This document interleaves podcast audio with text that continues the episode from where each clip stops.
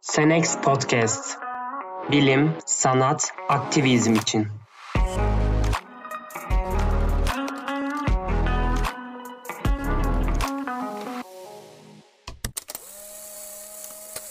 Merhaba sevgili dinleyiciler. Senex İzleme'ye ait podcast'in birinci bölümüne hoş geldiniz. Bölümümüzün adı Ne Şimdi Bu Senex İzleme? Aramızda Senex İzleme ekibi var. Önce onlardan kendilerini tanıtmalarını istiyoruz.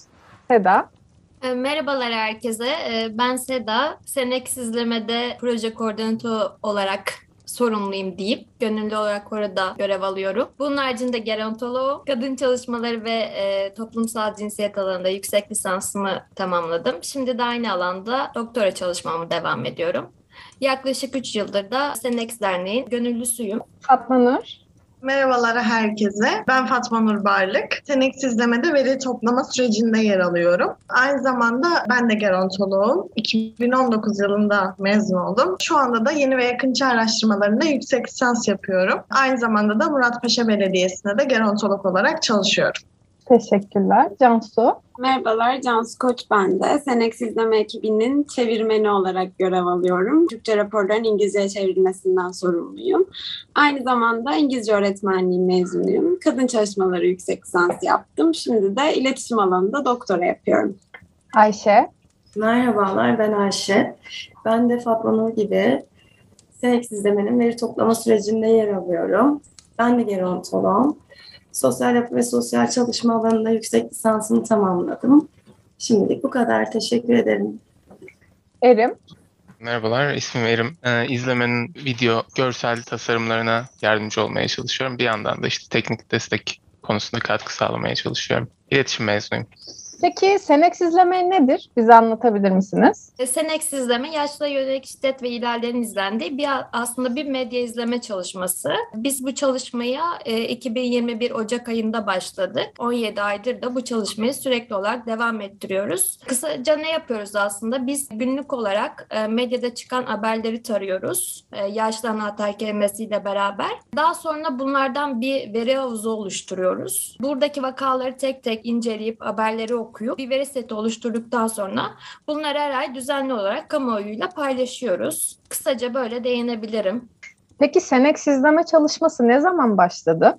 Aslında e, az önce biraz değinmiştim buna. 2021 yılında başladı Ocak ayında. Eylül ayından itibaren AGESA'nın açtığı Er Yaşta Fonu kapsamında ve Sivil Toplum için Destek Vakfı koordinasyonuyla Senex izleme çalışması desteklenmeye başladı. Bu çalışmayı biz yapmaya karar verdiğimizde aslında daha önceden Senex Dernek'le beraber veya ekiple beraber yaptığımız saha çalışmalarında Antalya Yaşlılık Araştırması olsun, diğer çalışmalarda bu yaş ayrımcılığını ve e, yaşlılara yönelik şiddet, istismar, ihlal bu vakaları gözlemliyorduk. Ama tabii ki elimizde daha kanıta dayalı bir verimiz yoktu. Tüm bunlara dayanarak bu çalışmayı yapmak istedik. 2021 yılı Ocak ayında başladı. İlk olarak Fatma Nur, Özgür Hoca ve ben beraber oturup bunun üzerine biraz kafa patlattık. Yöntemimiz nasıl olacak? Bu işi nasıl yapacağız? Çünkü daha önceden hani e, yapılmış böyle bir çalışma yoktu. Evet medya izleme çalışmaları vardı. Farklı disiplinlerde, farklı alanlarda. E, ama yaşlılara yönelik yapılmış bir izleme çalışması yoktu. Bu yüzden yöntemi oturtma konusunda biraz arka planında yani Ocak ayında başladı ama biz bu çalışmaya 2000 yani pandemi döneminden itibaren e, biraz kafa yormaya ve nasıl yapacağımıza planlamaya başladık ve 2021 Ocak ayında da ilk raporumuzu yayınladık. Peki bu çalışmanın temel motivasyonu ne? Neden bu çalışmayı yapmaya başladınız? Şöyle aslında, şimdi yaşlanma ve yaşlılıkla ilgili çalışmalar Türkiye'de gerçekten çok az ve çok yetersiz aynı zamanda. Böyle olduğu durumda da bu dezavantajlı gruba yönelik e, yapılan işte hak ihlalleridir, şiddettir biz bunu görmüyoruz. Yani biz bunu farkına varmak da istemiyoruz aslında. Çünkü e, ne bizim literatürümüzde ne de akademi literatüründe böyle bir kavram çok az kullanılıyor ya da çok fazla önemsenmiyor. Dolayısıyla aslında medya izleme raporlarında da zaten görülecektir. Çok fazla aslında şiddet ve hak ihlali olayı var. Dolayısıyla aslında bunların da bir noktada görünür olması gerekiyor ve bunları da aslında merkeze alarak yaş haklarını savunabiliyor olmamız gerekiyor. Bence en büyük motivasyonlardan bir tanesi buydu aslında. Peki e, yöntemden bahsetmiştin Seda. Yönteminiz nasıl? Veriyi nasıl topluyorsunuz? Aslında e, burada biz verileri toplarken daha önce de o bahsettiğim uzun süreli bir yöntemi nasıl yapacağız diye tartışmalardan sonra yaşlı anahtar kelimesiyle biz çevrim içi olarak medyaya yansıyan haberleri tarıyoruz e, internet üzerinden. O taramalar sonucunda yani doğruluğunu tespit ettikten sonra e, bir veri setinde tek tek giriyoruz. Her haberin e, belli bir kodu e, ve vakası var. Tabii ki burada bizim aldığımız e, aslında önemli olan haberden oluşan vaka. Çünkü bir vaka ile ilgili bazen bir haber çıkabilirken bazen 10 tane ya da 15 tane de haber çıkabiliyor. E, biz bunları e, ele alıyoruz. Daha sonra Fatma Nur'la Ayşe bu süreçte aslında daha yoğun çalışıyor. Onları Excel'e girdikten sonra en sonda ben SPSS'te veri analizlerini yapıyorum şöyle araya girebilirim onunla ilgili. Biz aslında ilk konuştuğumuzda üç tane anahtar kelime belirlemiştik. Yaşlı, yaşlanma ve yaşlılık olarak. Daha sonrasında tarama yaparken bu üç anahtar kelimeyi de denedik. Fakat iki tanesinin çalışmadığını gördük. Yaşlık ve yaşlanma e, anahtar kelimesi bizi vakalara götürmedi. O nedenle sadece yaşlı anahtar kelimesini kullanmaya devam ederek tarama yaptık. Çünkü yaşlılık ve yaşlanma yazdığımızda çok daha fazla köşe yazıları ya da işte o anki siyaset durumuyla ilgili hukuksal ya da siyasi e, yazıların yani yani çok fazla çıkıyor. Biz de vaka aradığımız için aslında yani hani yaşlı kişi ve kişilerin birebir karşılaştığı vakaları aradığımız için Fatma Nur'un bahsettiği gibi diğer iki anahtar kelimeyi çıkardık. Zamanla oturdu diyebiliriz aslında. Evet, özellikle yaşlanma kelimesi tamamen aslında yaşlanmanın yani yaşlının sağlık boyutuyla e, işte yaşlanma karşıtlığıyla alakalı konuları bize önümüze çıkardı. Örnek verecek olursam e, yaşlanma diye girdiğimizde anti-aging kremlerin çok fazla karşımıza çıktığını gördük.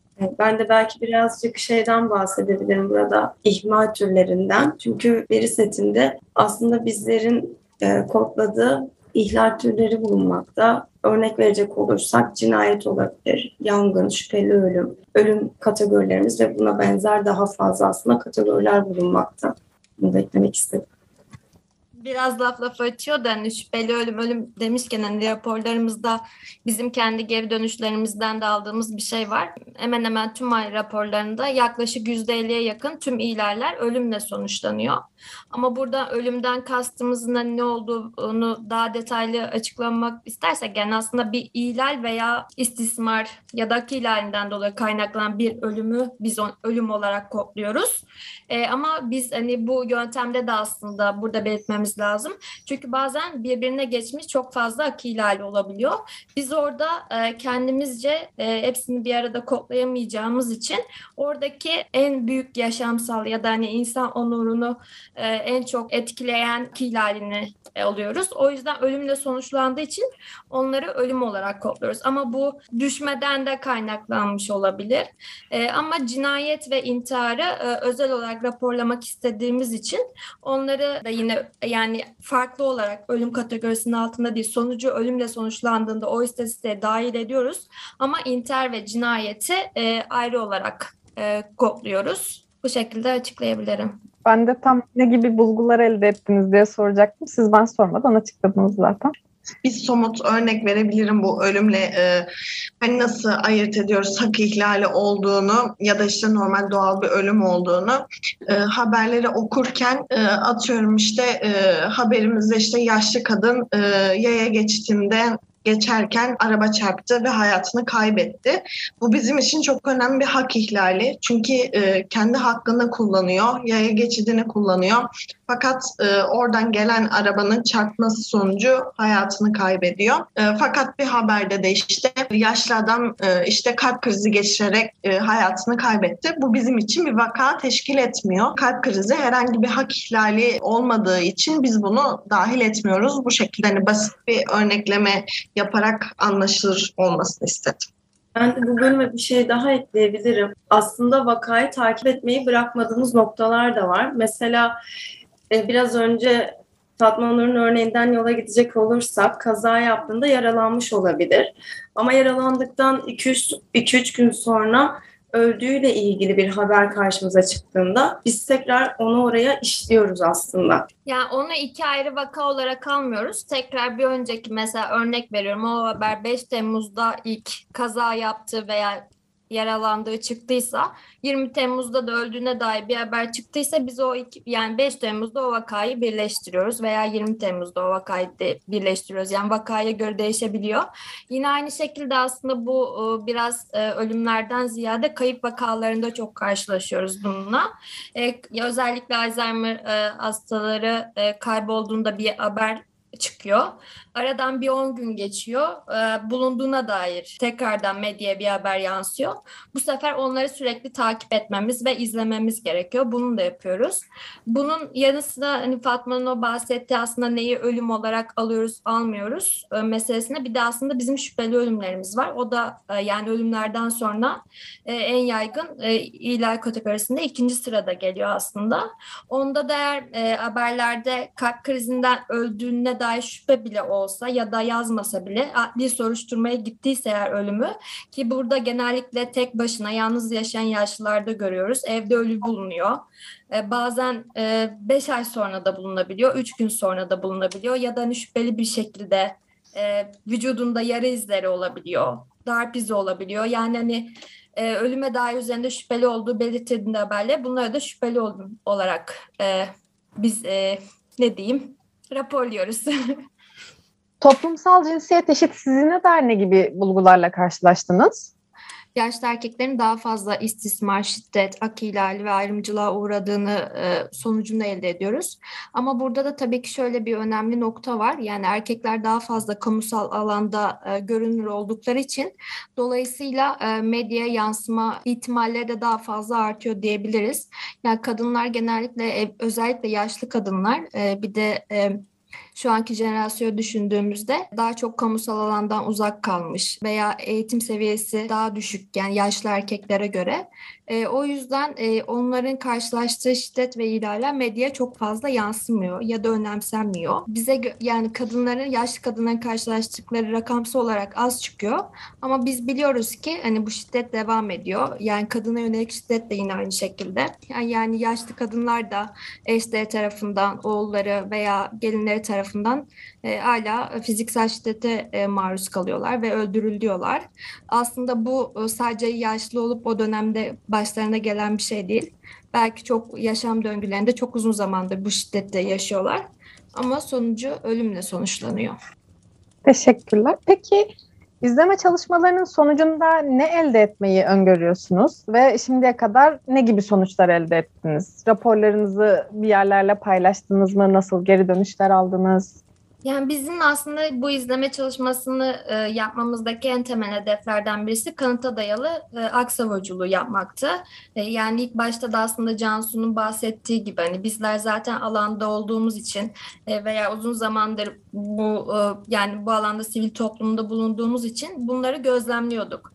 Ama insanlarla konuştuğumuzda e, yok canım ya işte hani bizim ülkemizde böyle şeyler olmaz biz yaşlılarımızı çok severiz, el üstünde tutarız e, gibi tepkiler e, yani geri cevaplar alıyorduk. Kendi sahada gördüğümüzde insanları ne diyeyim tırnak içinde inandırmamız aslında çok zor oluyordu. Bu çalışmayı yaptığımızdaki en büyük şey de aslında bizim bu kanıta dayalı ak savunuculuğunu yapmak ve bir, bir diğer önemli şey de bunu kamuoyuyla paylaşmak ve e, aslında bir de diğer tespit ettiğimiz önemli bir şey var. Aslında ölümlerin yani birçok şeyi önlenebilir. Yani çok basit şeylerle geri dönüştürülebilir ve yani insanların bu kadar yani yaşlıların ölmediği e, bir düzen veya sistem çok ufak değişikliklerle halledilebilir.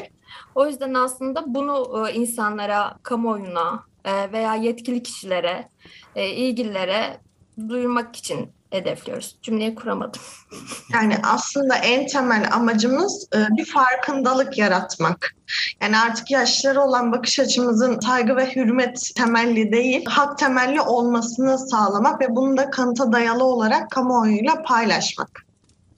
Onun için de şey yapıyoruz mesela Twitter'da haberleri paylaşmaya çalışıyoruz. Çünkü yaşlılar da homojen bir grup olmadığı için bunun içinde de daha sesi az çıkan gruplar var ve sayılar arasında kaybolabiliyor bu insanlar. O yüzden biraz daha haber aynı zamanda bir hikaye anlatımı olduğu için daha güçlü oluyor bence Twitter'da bunları paylaşmak. Veya işte videoları hazırlıyoruz. Bakın böyle bu, bu ay bunlar oldu falan filan. Daha çok yerden daha çok insana ulaşmaya çalışıyoruz. Aynı zamanda bir de e, izleme açık kaynaklı olduğu için yani herkes ulaşabildiği için biraz arşiv gibi de çalışıyor. Aynı zamanda raporları Birleşmiş Milletler'in ilgili komisyonlarına da iletiyoruz ve e, oradan geri dönüşler de alıyoruz böyle yani. O taraftan da takip ediliyor bir yandan da. Yine Türkiye'deki kurumlara, sivil topluma veya ilgili kişilere de her ay düzenli olarak mail atıyoruz rapor çıktıktan sonra. E, zaten web sitesinde de açık erişebilir şekilde Türkçe ve İngilizce rapor e, yani herkes indirebiliyor, okuyabiliyor. E, bunları yapıyoruz ya da ilgili durumlarda yani katılabildiğimiz kadar şu anki podcast olduğu gibi başka mecralara katılıp Senex izlemeyi tanıtmayı çalışıyoruz. Öylelikle de yaşlıların aslında uğradığı ayrımcılıkları, ihlalleri görünür kılmayı hedefliyoruz. Peki Senex izleme ile ilgili raporlarınıza nasıl ulaşabiliriz? izleme.senex.org.tr adresinden e, raporlar kısmından ulaşabilirler. Veya e, biz aylık olarak Twitter'da da paylaşıyoruz bu raporları zaten. Oradan da e, bağlantı veriyoruz. İzleme Podcast'inin bu bölümünün de sonuna geldik. Bizimle olduğunuz için teşekkür ederiz. Önümüzdeki bölümlerde görüşmek üzere.